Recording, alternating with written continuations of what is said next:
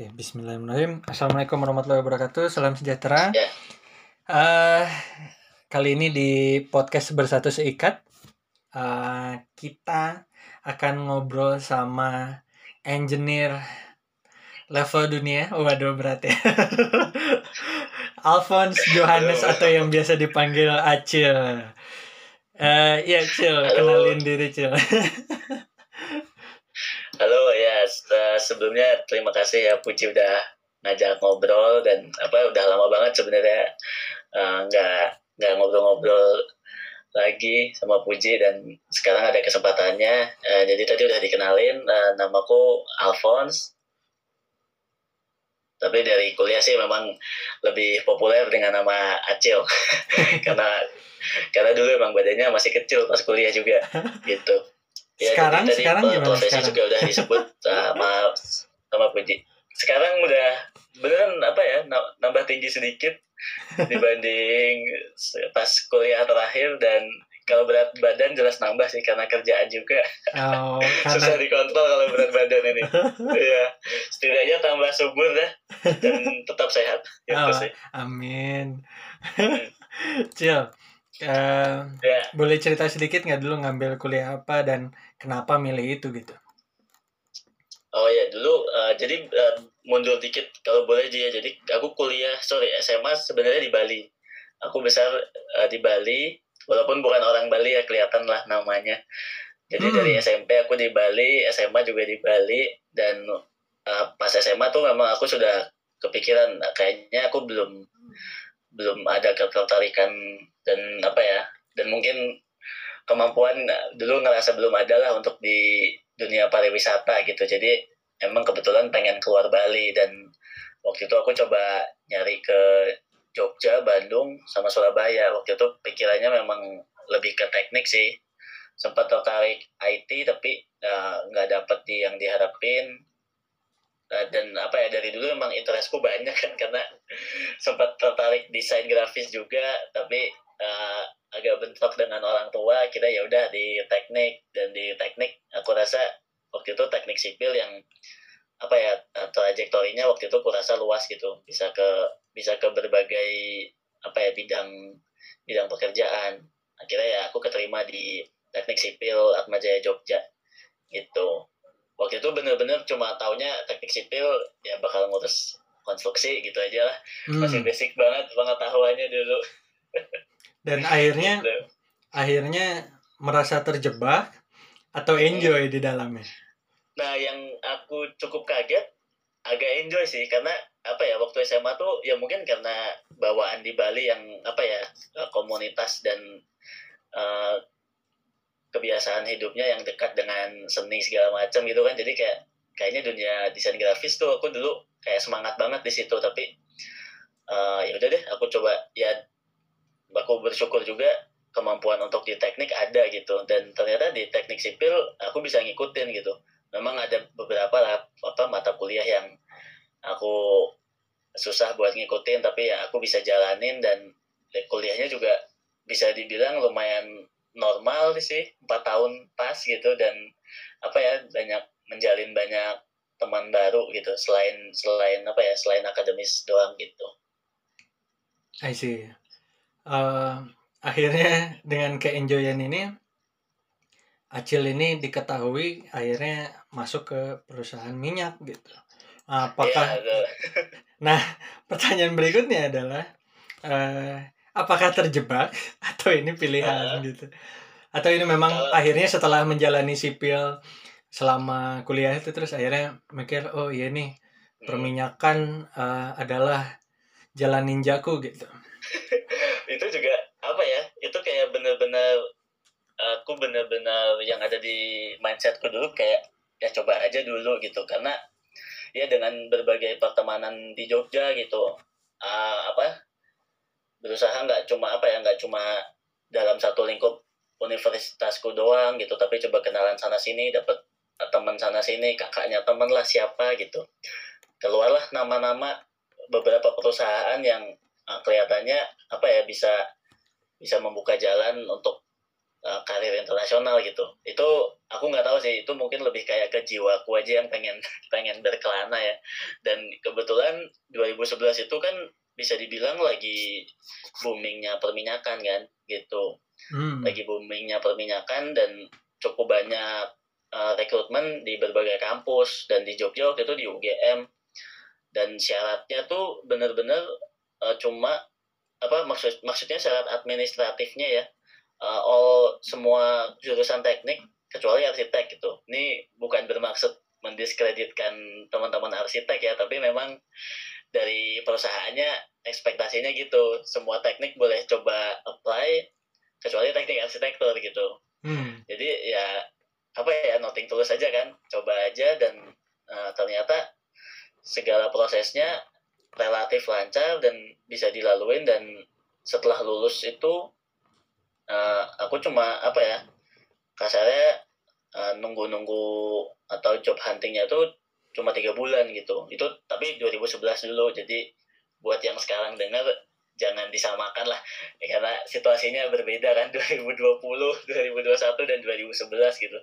Waktu itu tiga bulan aja ya udah udah udah bersyukur banget gitu dapat dapat ya, jadi kali ini boleh disebut nama perusahaan gak sih iya boleh boleh ya itu uh, perusahaannya pertama namanya uh, Slambergy mm -hmm.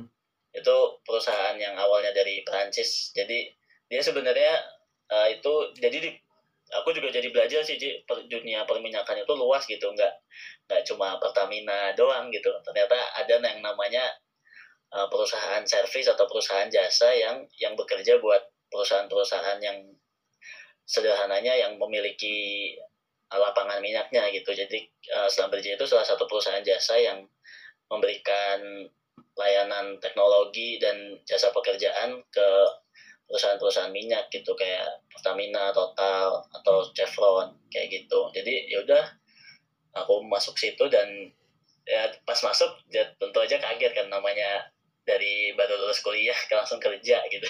Hmm. dan beda sama tempat aku dulu kan kerja prakteknya ya juga cuma di ini aja. Sorry. Kerja prakteknya di di proyek konstruksi gitu karena nggak nggak kebayang bakal bisa masuk ke perminyakan itu dulu gitu. Nah, akhirnya waktu itu masuk awal di Kalimantan ya?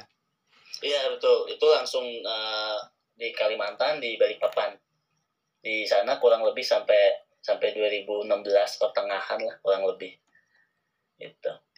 Nah, setelah itu masih di Samberji, tapi mm -hmm. pindah ke mana? Jakarta? Atau uh, jadi uh, waktu 2016 itu uh, alhamdulillah puji Tuhan udah udah mendekati inilah level senior engineer kan gitu jadi lebih banyak di Jakarta untuk proyek-proyek di Jakarta dan sempat kurang lebih dari awal 2017 sih kayaknya itu di Cirebon.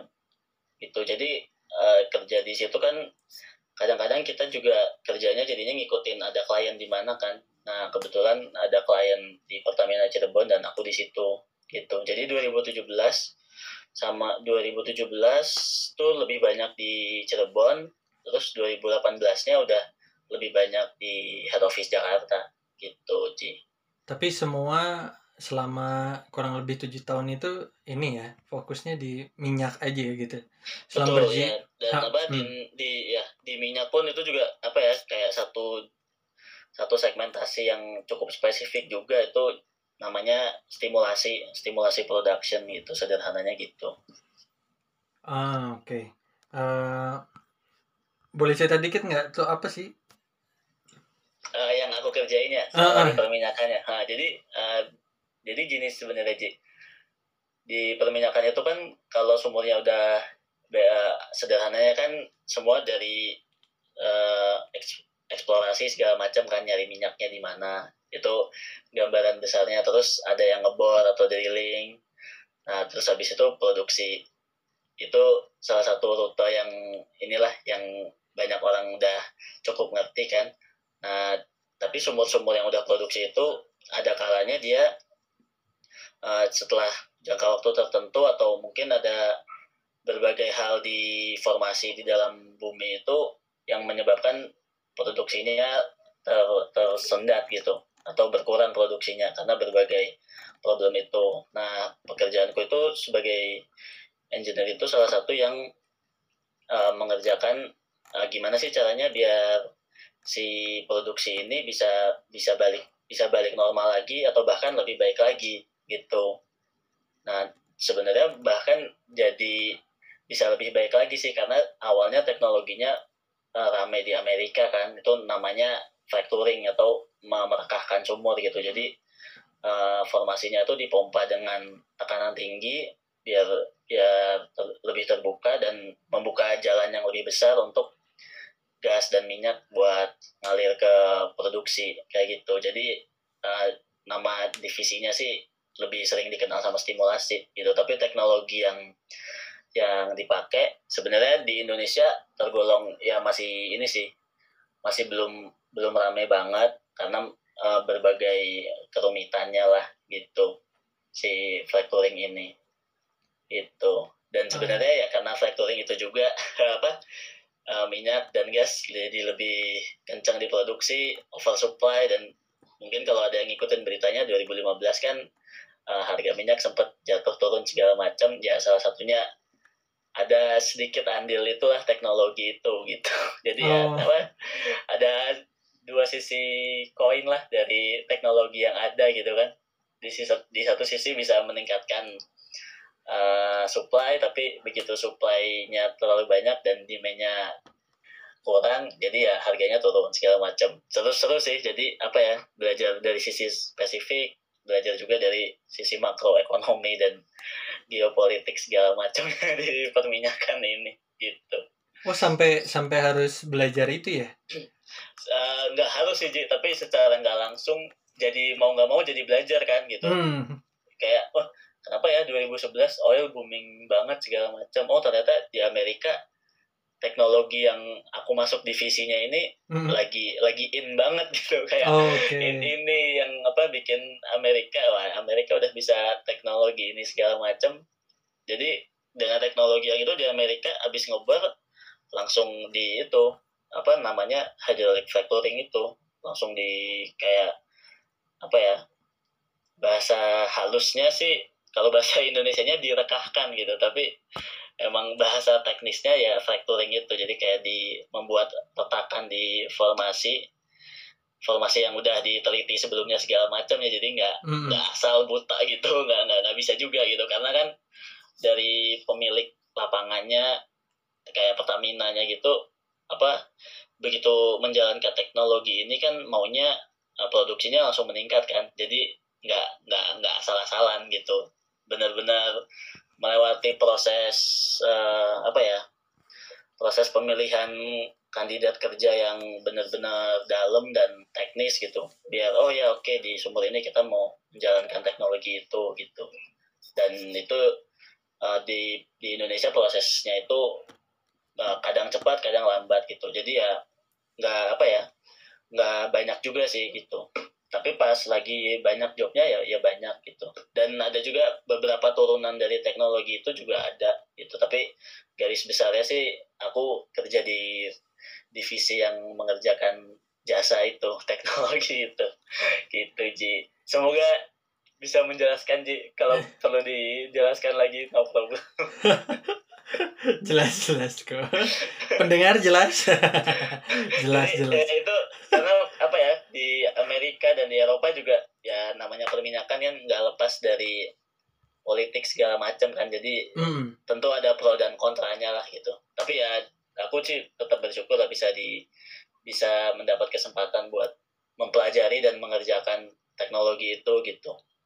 Walaupun di Indonesia memang belum belum jarang kayak gitu sih eh sorry belum banyak. Gitu. nah terus pindah pindah lagi ke Saudi Arabia ya? Nah iya tuh di teknologi yang sama atau berbeda? Di teknologi yang sama gitu. Jadi yang uh, yang si factoring jadi uh, kalau buat teman-teman yang penasaran kan uh, ada juga namanya uh, sumber minyak itu yang minyak dan gas itu yang unkonvensional gitu. Dan ini yang sampai sekarang juga di Indonesia sendiri masih digodok sih gitu. Buat benar-benar spesifik dan siap gitu. Mungkin kalau ada teman-teman yang minat uh, beberapa kali kayaknya Pertamina pernah kayak bikin semacam webinar gitu. Aku kurang tahu kalau itu tersedia di YouTube atau enggak. Jadi di Indonesia untuk yang apa ya eks, eksekusi dan eksploitasi di uh, lahan minyak yang non konvensional ini masih belum gitu. Dan pas aku ke Saudi ya salah satunya aku juga tertarik buat mengeksekusikan itu kan gitu. Jadi uh, apa sumurnya tuh udah nggak dibor lagi secara vertikal tapi dari vertikal tuh belok tuh jadi belok jadi horizontal gitu. Dan ya intinya Saudi sama Amerika ya masing-masing mereka uh, pakai teknologi itu di lapangannya masing-masing. Dan waktu 2019 akhir ada kesempatan ke Saudi akhirnya ya aku coba itu sih aku coba ambil walaupun aku harus uh, ganti perusahaan gitu. Challenge-nya apa tuh yang terbesar? Kalau nah, pas di Saudi itu? Kalau pas di Saudi pas awal-awal sih uh, lebih ke budaya ya karena walaupun sama-sama perminyakan gitu dan ternyata beda perusahaan walaupun sama-sama perusahaan besar ya beda juga budayanya gitu kan. Kemudian hmm. uh, budaya kerja dengan pekerja-pekerja di sana gitu. Walaupun di sana juga uh, dari sisi pekerja lumayan campur-campur sih. Uh, banyak juga yang pekerja yang dari luar Saudi kan. Memang banyak ekspatriat yang juga kerja di perminyakan gitu. Challenge utama sih uh, di situ terus uh, apa ya lebih kayak ke beradaptasi dengan lingkungan baru sama teknologi yang ini sih apa kecepatan kerjanya kan agak sedikit berbeda dengan di Indonesia gitu. Jadi hmm. begitu di sana kalau lagi kerja 12 jam di lapangan ya benar-benar itu sih 12 jam dan uh, terus menerus gitu karena uh, intensitas dan kuantitas pekerjaan yang dieksekusinya lebih banyak dibanding di Indonesia gitu. Jadi apa ya ini mungkin sederhananya anggap aja kerjaanku itu ngantar paket gitu kayak apa GoSend atau GrabSend atau Shopee Food atau apa disebut aja biar nggak spesifik satu merek.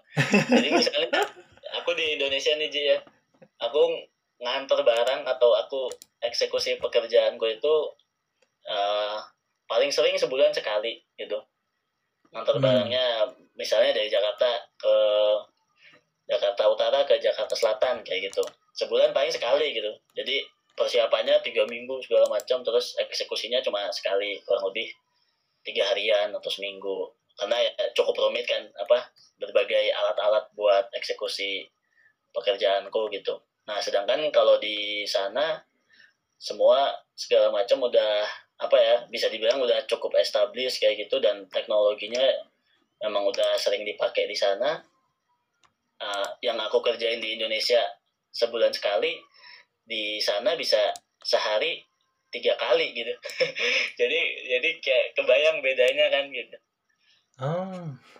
jadi intensitas Pro, dan ah. kuantitasnya uh, jauh lebih banyak gitu. Ya produktivitasnya tinggi lah ya. Iya uh, karena uh, tapi ya di sisi lain karena infrastrukturnya juga juga berbeda kan gitu. Hmm. jadi bukannya mau bilang di Indonesia kenapa nggak kayak gitu gitu. Karena ya tantangan masing-masing negara kan pasti beda kan gitu. Dan di sana memang infrastrukturnya udah siap segala macam dan memang itu teknologi yang mau dipakai gitu kan. Karena kalau di Saudi kan cuma ada satu kan Saudi Aramco kan gitu. Jadi ya udah dia uh, punya banyak lapangan gitu dan punya banyak apa uh, penyedia jasa kan buat ngerjain itu. Jadi uh, di sana juga apa ya bisa dibilang uh, terasa lebih kompetitif gitu kan apalagi di iklim. Jadi kan 2015 kita secara global kan perminyakan udah turun karena harga segala macam gitu. Terus pas aku baru masuk 2019 akhir itu juga um, minyak juga lagi turun kan. Jadi harga segala macam masih kompetitif kan. Jadi tetap harus apa ya tuntutan performnya semakin semakin tinggi kan. Karena ya kompetitornya banyak gitu. Nggak nggak cuma satu penyedia jasa doang gitu kalau hmm. ada beberapa problem atau atau beberapa isu yang nggak bisa segera beres ya si klien bisa gampang aja ya udah deh ini. Uh, udahan dulu ganti ke sumur yang lain atau nanti ada penyedia jasa atau kontraktor yang lain masuk gitu. Ya, kompetitifnya lebih kerasa di sana sih. Itu itu yang salah satu yang kurasa beda. Jadi ya adaptasi sama kompetisinya memang berbeda suasananya gitu I see. Berarti kurang lebih kan Acil nih 11 tahun ya, eh 10 tahun lah ya, sebelum 11 tahun nih bergerak di perminyakan. Pernah nggak di Iya, sepanjang kita mm, hampir 10 tahun di sepanjang karir ini eh, mendapat nasihat dari mungkin senior atau tokoh di perminyakan yang eh, Hmm. untuk karirnya Acil tuh harus begini harus begitu itu yang istilahnya Acil ingat selalu gitu. Ada nggak pernah di perjalanan karir ini Acil eh, menerima nasihat yang nancep banget nih? Di kepala di hati di pikiran gitu. Yang nancep banget sih apa ya yang lebih kerasa sebenarnya sering kali malah pas zaman-zaman sering di lapangan sih. Jadi pas di Balikpapan itu kan eh, sebagai engineer itu startnya di lapangan Ji. Jadi bener-bener di hutan lah berlumpur segala macam kadang-kadang di laut yang nggak ada sinyalnya gitu. Dan apa ya setahun pertama untuk di divisiku itu sebagai engineer trainee lebih banyak kerja fisiknya gitu bisa dibilang kayak gitu.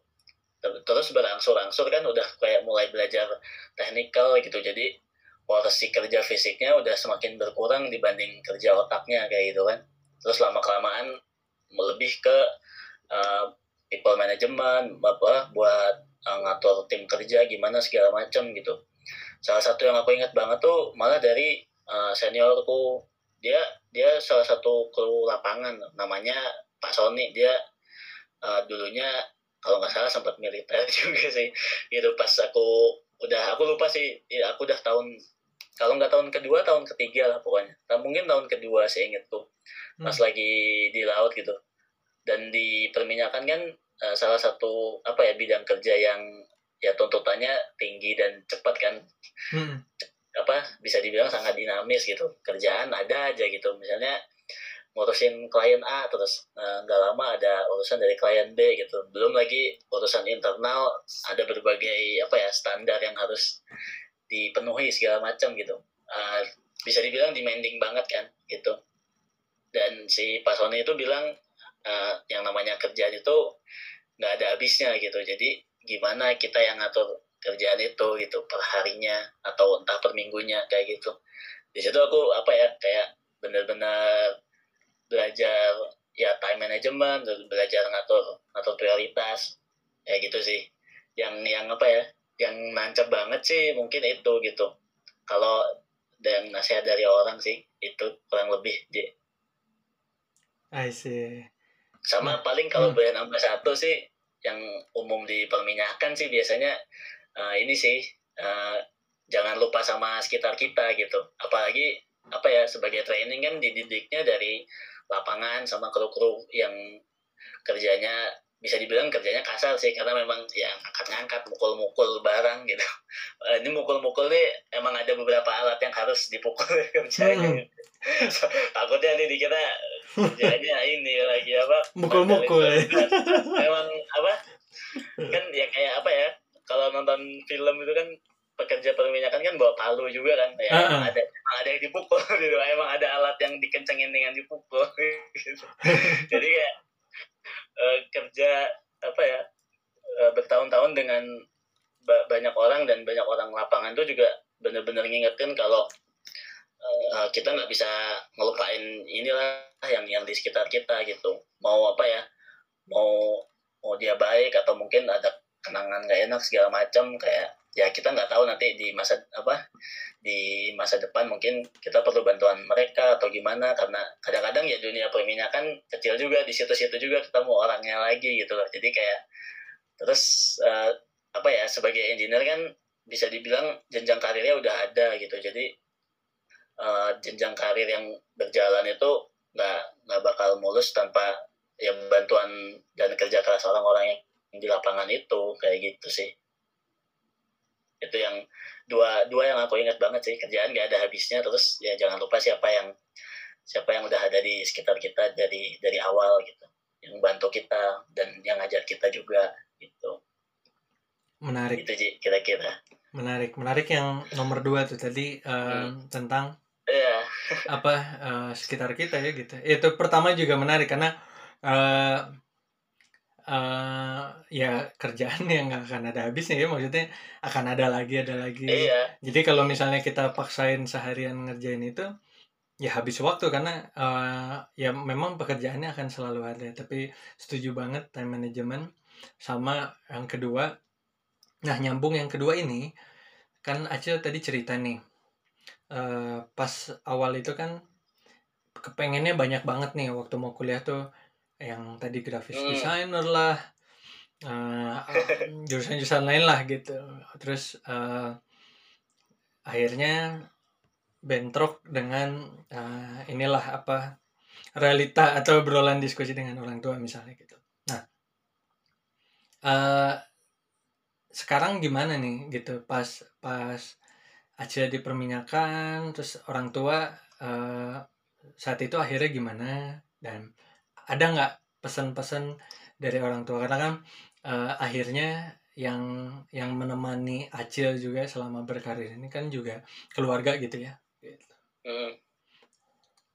Uh, kalau apa ya dari uh, keluarga sih terutama orang tua kan ya bisa dibilang mereka mendukung dan bangga juga kan karena ya bisa lah kerja di perusahaan multinasional yang kerjanya juga demanding segala macam. Paling kalau dari uh, orang tua sih mereka lebih kayak yang penting uh, fokus dan apa ya di kerjaan yang inilah yang uh, jujur fokus fokus kerja gitu walaupun menghadapi klien yang yang sopan gitu ya bisa dibilang generic klise tapi ya memang itu yang penting sih gitu sih kalau hmm. dari orang tua sih terutama kayak gitu terus kayak uh, gimana uh, kan udah dapat penghasilan segala macam gimana penghasilan itu di diatur yang baik gitu buat buat jangka pendek maupun jangka panjang gitu kan karena ke depannya kita nggak ada yang tahu terus ya kayak tahun kemarin corona terus ya hmm. ya sampai sekarang juga masih masih pandemi kan itu uh, benar-benar uh, penting banget sih. Kalau apa ya kalau dari kalau dari pasangan sama istri sih yang penting uh, lebih kayak aku juga harus bisa nyimbangin uh, aku se enjoy apa dengan kerjaan itu gitu. Tapi juga jangan apa ya jangan sampai lupa keluarga sih gitu. Kurang lebih.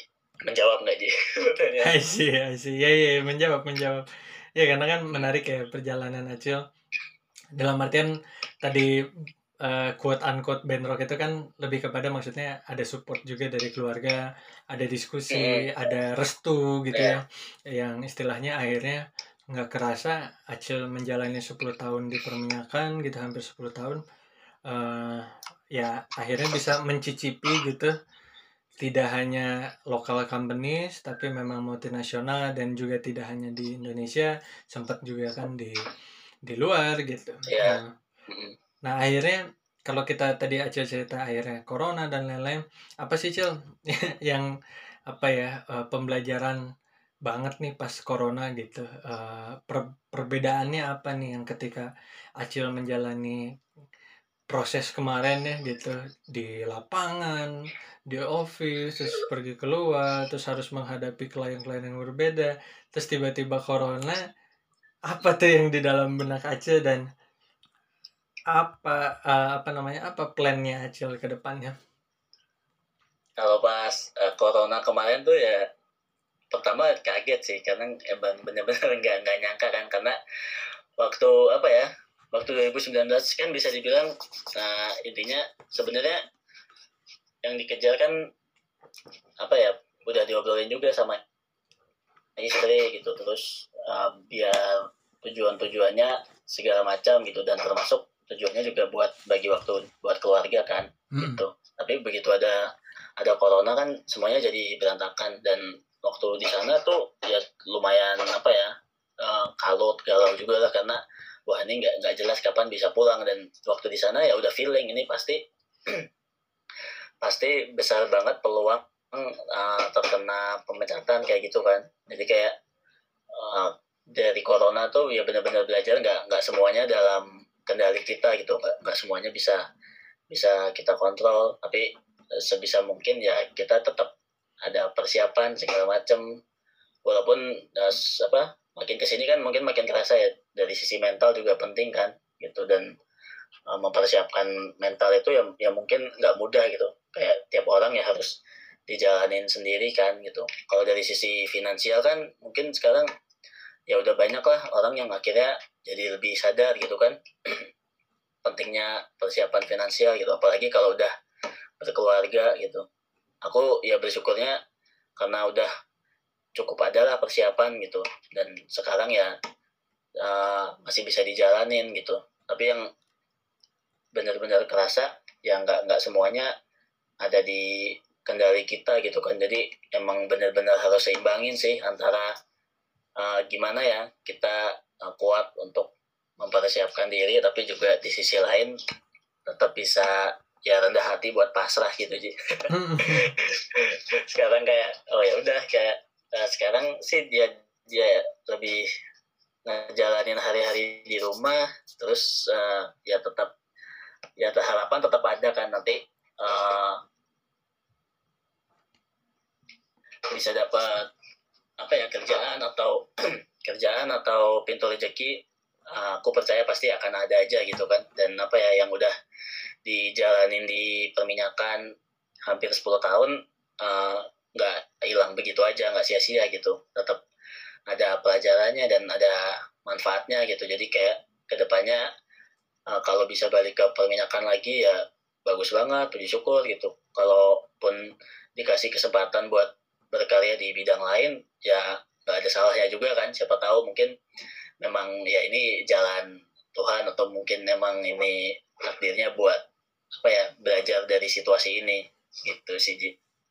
I see. Ke depannya sih gitu. Iya sekarang semua nggak perusahaan kecil nggak perusahaan besar semua ya terasa oh, sekali iya. dampaknya jadi uh, semua ya itu dampaknya lah ya ya akhirnya jelas kita cuman bisa berencana tapi yang di atas gitu yang menentukan tapi uh, yakin sih insya Allah apa namanya semuanya bisa balik lagi normal gitu ya uh, semoga segera beres ya. ya maksudnya kan kayak kemarin juga Euro udah bisa rame lagi gitu ya. Uh, di Eropa ya, udah bisa kehidupan ini lagi lah gitu. Terus uh, iya. ya insya Allah lah uh, kita tinggal nunggu aja sedikit lagi sih rasanya. Kayaknya uh, harusnya udah udah ke arah yang lebih baik ya gitu. Semoga ya gitu ya. Amin ya. Semoga bisa cepat terkendali dan selesai pandeminya. Iya amin amin amin. Cil uh, terakhir cil uh, singkat buat teman-teman hmm. uh, yang mungkin ada nanti yang masih muda dengerin gitu terus dia berpikiran tadinya takut nih ke perminyakan nah menurut Acil uh, gimana nih prospek ke depannya? Dan juga uh, apa sih persiapan-persiapan yang uh, harus menjadi bekalnya minimal atau basicnya untuk mereka kuasai gitu atau miliki di saat muda gitu uh, buat yang lebih muda ya atau mungkin yang ada minat ke perminyakan ya paling hmm. saat yang ini deh yang minat ke perminyakan dulu kalau menurutku sih ya kalau emang suka dan ada kemampuannya atau kuliahnya memang sudah di perminyakan uh, jangan jangan berkecil hati sih soalnya uh, kalau memang udah di perminyakan kuliahnya gitu atau masih di tahun-tahun awal kan mungkin tahu kalau uh, Pertamina atau negara sendiri juga targetnya satu juta barel per day kan gitu untuk tahun 2030 gitu dan apa banyak lapangan-lapangan yang lapangan perminyakan yang akan dikelola sama Pertamina dan ya itu juga jadi peluang dan tantangan kan gitu. Dan dunia perminyakan itu juga juga luas sih atau apa perminyakan dan energi ya luasnya gitu. Kalau memang di perminyakan nggak belum dapat peluangnya untuk tahun-tahun ini uh, bisa bisa coba juga mungkin kalau kalau yang masih kuliah atau yang udah mau lulus atau baru lulus bisa lihat yang terdekat dari perminyakan menurutku selanjutnya sih uh, ini ya uh, geothermal gitu. Karena teknologi yang dipakai di geothermal bisa dibilang uh, mendekati dengan teknologi yang dipakai di di perminyakan gitu. Begitu juga dengan ilmu-ilmunya kan kayak geologi segala macam kayak kayak gitu. Jadi kalau yang udah memang kuliahnya dan dunianya dekat di perminyakan sih menurutku uh, jangan jangan berkecil hati ya tetap tetap berusaha gitu. Karena kalau buat secara umum sih misalnya yang masih masih kuliah yang masih apa ya yang masih awal-awal kerja paling uh, tetap apa ya uh, semangat ini sih. Kalau sekarang kan opsi buat apa ya belajar sendiri tuh banyak kan gitu. Mumpung masih muda menurutku sih itu di, dibiasain sih. Apa tetap tetap bisa belajar sendiri dan dan beradaptasi gitu. Karena kan aku sih ngelihatnya kadang-kadang takutnya kalau udah makin tua gitu atau udah di atas 35 atau di atas 40 uh, lo cukup menantang gitu kan buat belajar hal-hal baru gitu. Misalnya apa belajar uh, sosial media lah atau pakai LinkedIn segala macam yang yang kayak kayak gitu sih. Lebih kayak ke ke basic dulu kan kayak uh, ngebiasain membaca gitu. Aku juga apa bisa dibilang uh, kebiasaan membacanya kan agak agak telat lah. Nggak pas kuliah mungkin nggak terlalu mungkin pas kerja baru mulai mulai suka gitu. Dari situ ya coba di diperdalam lagi gitu kayak kayak minatnya di mana gitu. Yang penting bisa bisa belajar sendiri uh, tetap tetap semangat. Apa yang ngelakuin yang dilakuin sih gitu Ji. Mantap. Sudah di 33 menit kayaknya ini Thank you banget. Oh, bukan 33, udah sudah 36 menit. Cil, makasih banget. Uh, semoga sehat-sehat selalu. Apa namanya? Bisa segera juga uh, berproses lagi di perminyakan. Uh, menerima tantangan-tantangan barunya.